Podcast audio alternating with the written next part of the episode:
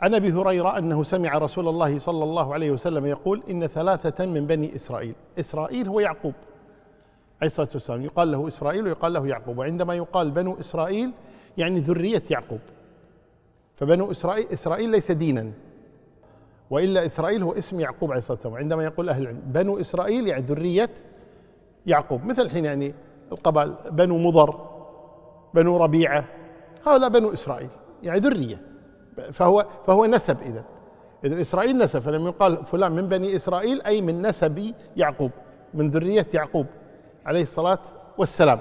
ولذلك من بني إسرائيل أكثر الأنبياء أكثر الأنبياء من بني يعني من عيال يعقوب يوسف موسى عيسى زكريا يحيى سليمان داوود ذو الكفل كل هؤلاء من ذرية يعقوب عليه الصلاة والسلام. فيقال لهم أنبياء بني إسرائيل أنبياء بني إسرائيل.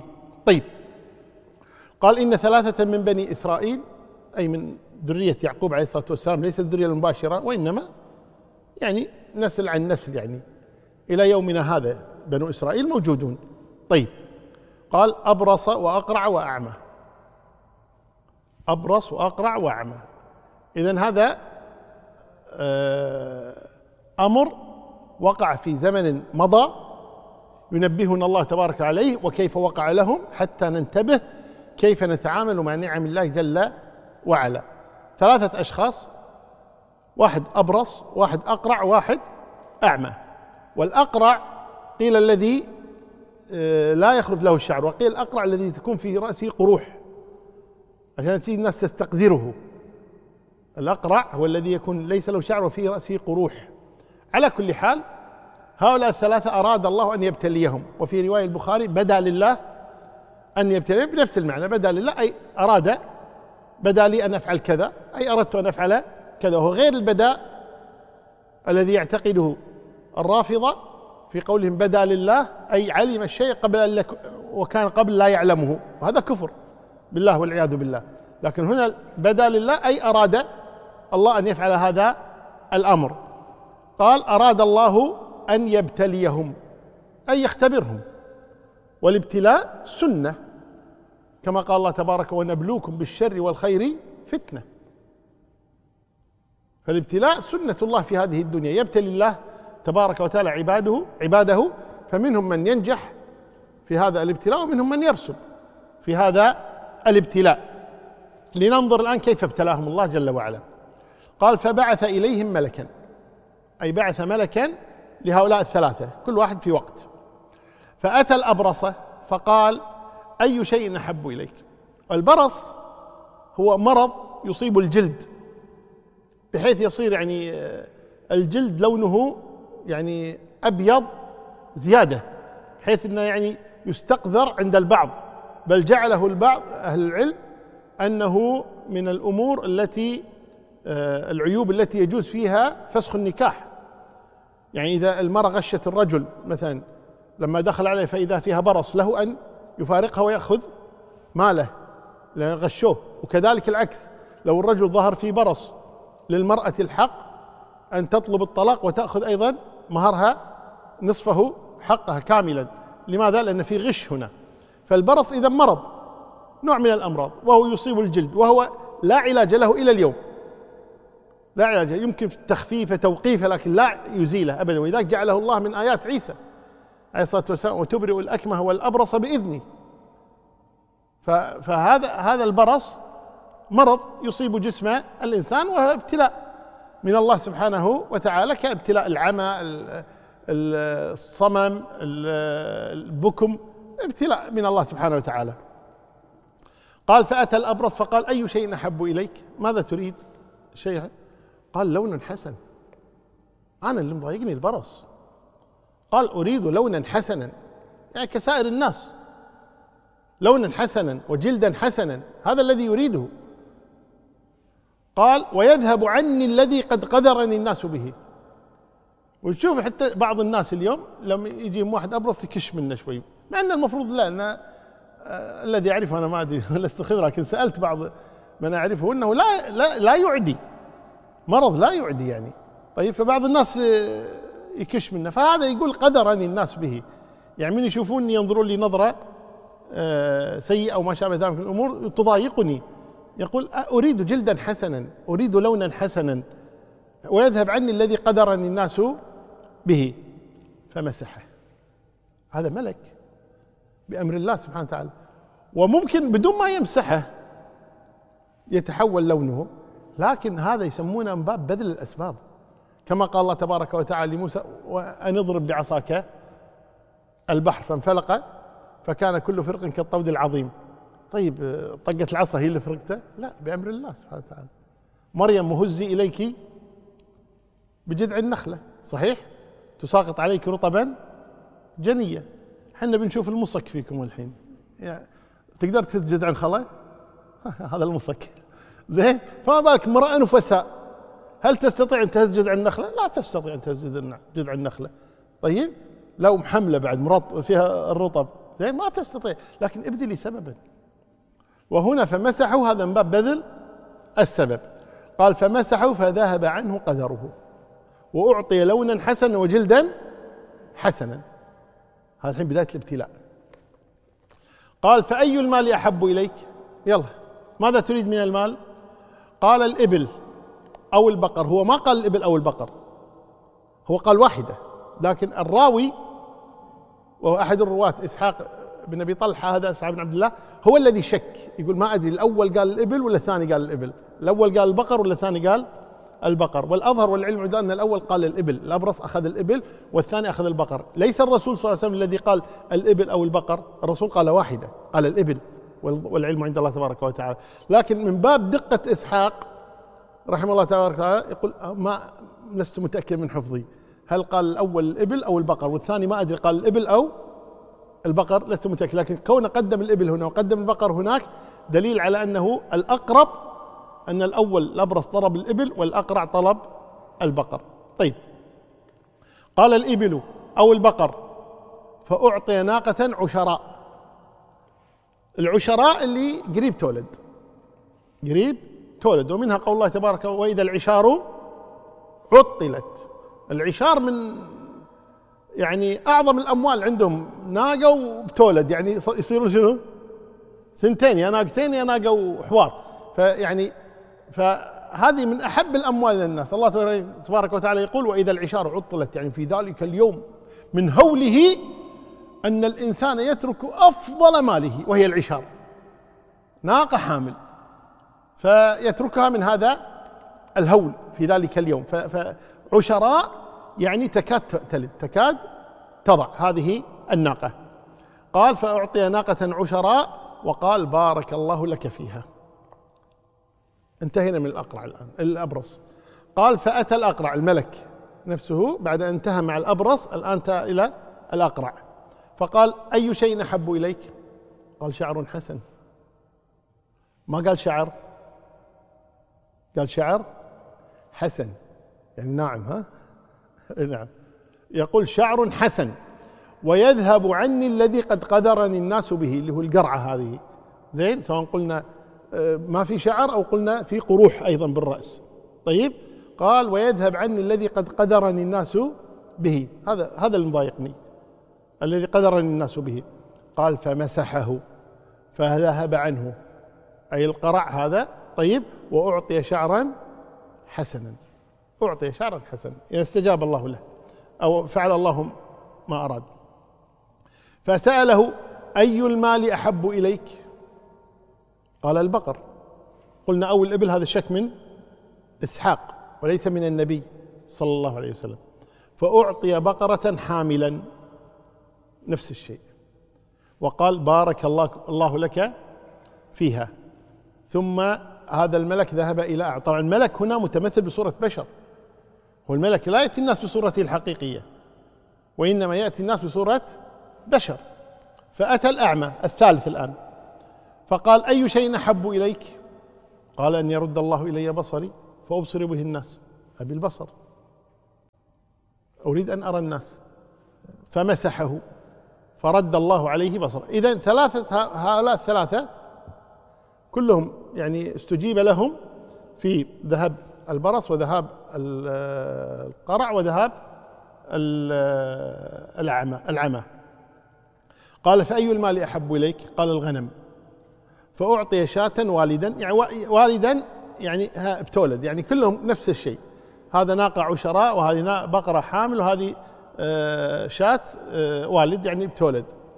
فأنت فأنتج هذان. وولد هذا وولد هذا. يعني أنتجت البقر وأنتجت الإبل وولدت الغنم. فكان لهذا واد من لأنه إيش قال؟ قال بارك الله لك في هذا المال. فبارك الله فعلا له. فصار للأبرص واد من الإبل. والأقرع الأقرع صار له واد من البقر. لأنه قامت تولد خلاص بركة بارك الله في هذا المال. وللأعمى واد من الغنم. إلى الآن هؤلاء الثلاثة كلهم أصابتهم إيش؟ وإن أذقناه رحمة منا من بعد ضراء مسته. كل هؤلاء أصابتهم الآن نعمة بعد ضراء. نعمة في زوال البرص زوال القرع زوال العمى وكذلك بكثرة المال من الإبل أو البقر أو الغنم. طيب. قال ثم إنه أتى الأبرص في صورته وهيئته بعد مدة بعد ما خلينا نقول فرح مدة لأن على ما نتج انتجت هذه الإبل وانتجت هذه البقر وانتجت هذه الغنم وصار له وادي من الإبل أو وادي من البقر وادي من الغنم يعني كم سنة؟ أبو عبد الله كم سنة تقريبا؟ كم سنة؟ على ما يصير عنده وادي من البقر وادي من الغنم يلا على, على ضمانتك خلاص كيفك طيب فالآن هذا صار عنده وادي من البقر وادي من الغنم وهذا الثالث عنده وادي من الإبل. جاءهم بعد ذلك هذا الملك لكن ليس بصورته الأولى وإنما جاء الأبرص بصورة الأبرص. جاءه وهو أبرص يعني الملك صورة أبرص. الملك تصور بصورة الأبرص يعني جاءه فيه برص الملك فيه برص. فجاءه قال في صورته وهيئته فقال رجل مسكين. قد انقطعت بي الحبال في سفر. الحبال يعني الأسباب. ما عندي يعني شيء يساعدني. فلا بلاغ لي اليوم إلا بالله. ثم بك شوف لما يقول له لا بلاغ لي اليوم إلا بالله. ثم بك. معناته إيش؟ ضرورة. مضطر. يعني الإنسان لا شاف له واحد مضطر ممكن يروح يتسلف ويعطيه. يعني قاعد يحاول يبين لنا أن المسألة إيش؟ ضرورة. يقول لا بلاغ لي اليوم إلا بالله. ثم بك.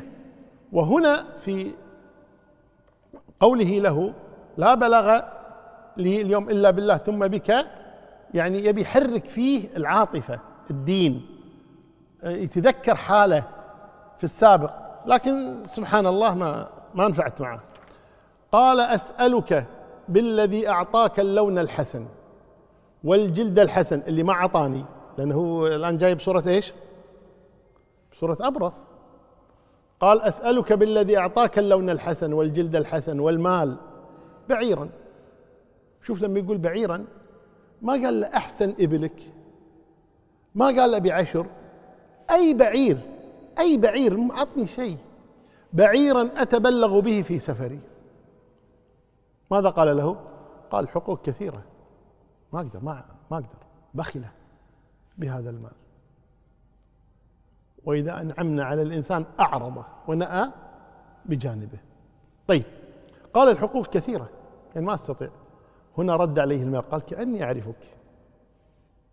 ألم تكن أبرص؟ وهذا السؤال سؤال تقريري. يعني أنت كنت أبرص. أنت كنت أبرص. ألم تكن أبرص يقدرك الناس؟ فقيرا فأعطاك الله هذا المال؟ كان هذيك وش دره طيب يعني لأن هذا ملك هو اللي جاء أول شيء هو اللي مسح عليه وهو الذي دعا الله أن يعطيه هذا أعطاه الناقة ودعا الله أن يبارك له فيها. هو يعرفهم 100% قال ألم تكن أبرص يقدرك الناس فقيرا فأعطاك الله هذا المال؟ قال لا إنما ورثته كابرا عن كابر يعني حتى ما يبي يعترف أن الله تبارك وتعالى رزقه هذا المال. ما يبي يعترف. قال لا أنا غني من زمان. طيب تفرق؟ إذا كان غني من زمان ولا غني بعدين؟ تفرق. بالعكس هذا عصام يكون أحسن ها؟ لكن الكبر؟ قال لا ورثته كابرا عن كابر. إنما ورثته كابرا عن كابر. ماذا قال له الملك؟ قال إن كنت كاذبا وهو كاذب. وهو يدري عن نفسه أنه كاذب. قال إن كنت كاذبا فصيرك الله إلى ما كنت. يعني كما رأيتك أبرص يقذرك الناس فقيرا لا مال لك. ثم انصرف عنه. طيب هل عاد؟ الذي يظهر إنه إيش؟ إنه عاد. واستجاب الله للملك. إن هذا ابتلاء ورسب. بالامتياز ها؟ رسب بامتياز ها؟ اي نعم. رسب في هذا الاختبار. قال ف واتى الأقرع. الآن دور الأقرع. وأتى الأقرع في صورته. قال فقال له مثل ما قال لي هذا أيضا. يعني رجل فقير وجاءه بصورة أعمى أقرع عفوا. وقال بالذي أعطاك الشعر الحسن والمال أن تعطيني بقرة أتبلغ بها. ورد عليه مثل ما رد عليها. حقوق كثيرة ما أستطيع. قال إن كنت كاذبا فصيرك الله إلى ما كنت. أيضا دعا عليه الملك. طيب. قال وأتى الأعمى. الآن الثالث الأعمى. فأتى الأعمى في صورته ويأتي يعني صورة رجل أعمى. فقال رجل مسكين وابن سبيل انقطعت بي الحبال في سفري فلا بلاغ لي اليوم إلا بالله. ثم بك أسألك بالذي رد عليك بصرك شاة أتبلغ بها في سفري. فقال أي الأعمى اللي كان أعمى خلينا نقول قال قد كنت أعمى. اعترف. اعترف. بذلك. قال ما قال كابر عن كابر قال قد كنت أعمى. فرد الله إلي بصري. فخذ ما شئت ودع ما شئت. الآن قبل قليل قلنا شكر النعمة يتضمن ثلاثة الاعتراف والثناء ثم أن يعني يرضي الله بتصريفه لهذه النعمة. هذا فعل ذلك تماما. ماذا فعل؟ أول شيء قال رد الله إلي بصري. أثنى اعترف بالنعمة وأثنى على الله بذلك ثم قال فخذ ما شئت ودع ما شئت. هنا أيضا صرف الأموال طيب أو النعم التي من الله تبارك سواء كانت جوارح أموال اللي يكون فيما يرضي الله تبارك وتعالى. فوالله لا أجهدك اليوم بشيء أخذته مني أي لا أشق عليك بشيء اللي تبي خذه هو قال أبي شات قال خذ اللي تبي. خذ ما تريد. ما أجهدك. لا أشق عليك. اللي تبي اخذه أنا كنت فقير. فأغناني الله تبارك وتعالى. لا أجهدك بشيء. هنا قال له الملك أمسك مالك. فإنما ابتليتم. يعني أنت والأقرع والأبرص إنما ابتليتم فقد رضي الله عنك. لأنه شكر النعمة. وسخط على صاحبيك. والسخط الغضب الشديد. السخط هو الغضب الشديد سخط على صاحبه أي غضب عليهم غضبا شديدا سبحانه وتعالى. وبالتالي قال أهل العلم والظاهر أن الله استجاب دعوة الملك ورد ذلك الرجل أبرص وذهب ماله ورد ذلك أقرع وذهب ماله. وهذا قال بارك الله لك فيما أعطاك. والله أعلم. طبعا هنا في قوله آه، يعني ملك الأولى ما فيها شيء أنه يأتيه للأبرص والأعمى لكن الإشكالية أو مو إشكالية السؤال اللي يتساءل به الناس كيف الملك يصير أبرص وهو مو أبرص أصلا ويصير أعمى وهو مو أعمى ويصير أقرع وهو مو أقرع. يعني هذا تمثيل. فهل التمثيل يجوز مثلا؟ هذا تمثيل مو صدق. طيب فذكر شيخنا الشيخ ابن عثيمين رحمه الله هذا دليل أن التمثيل جائز إذا كان فيه مصلحة. أن هذا دليل أن التمثيل جائز إذا كان فيه مصلحة فلا بأس بذلك والله أعلم. نعم.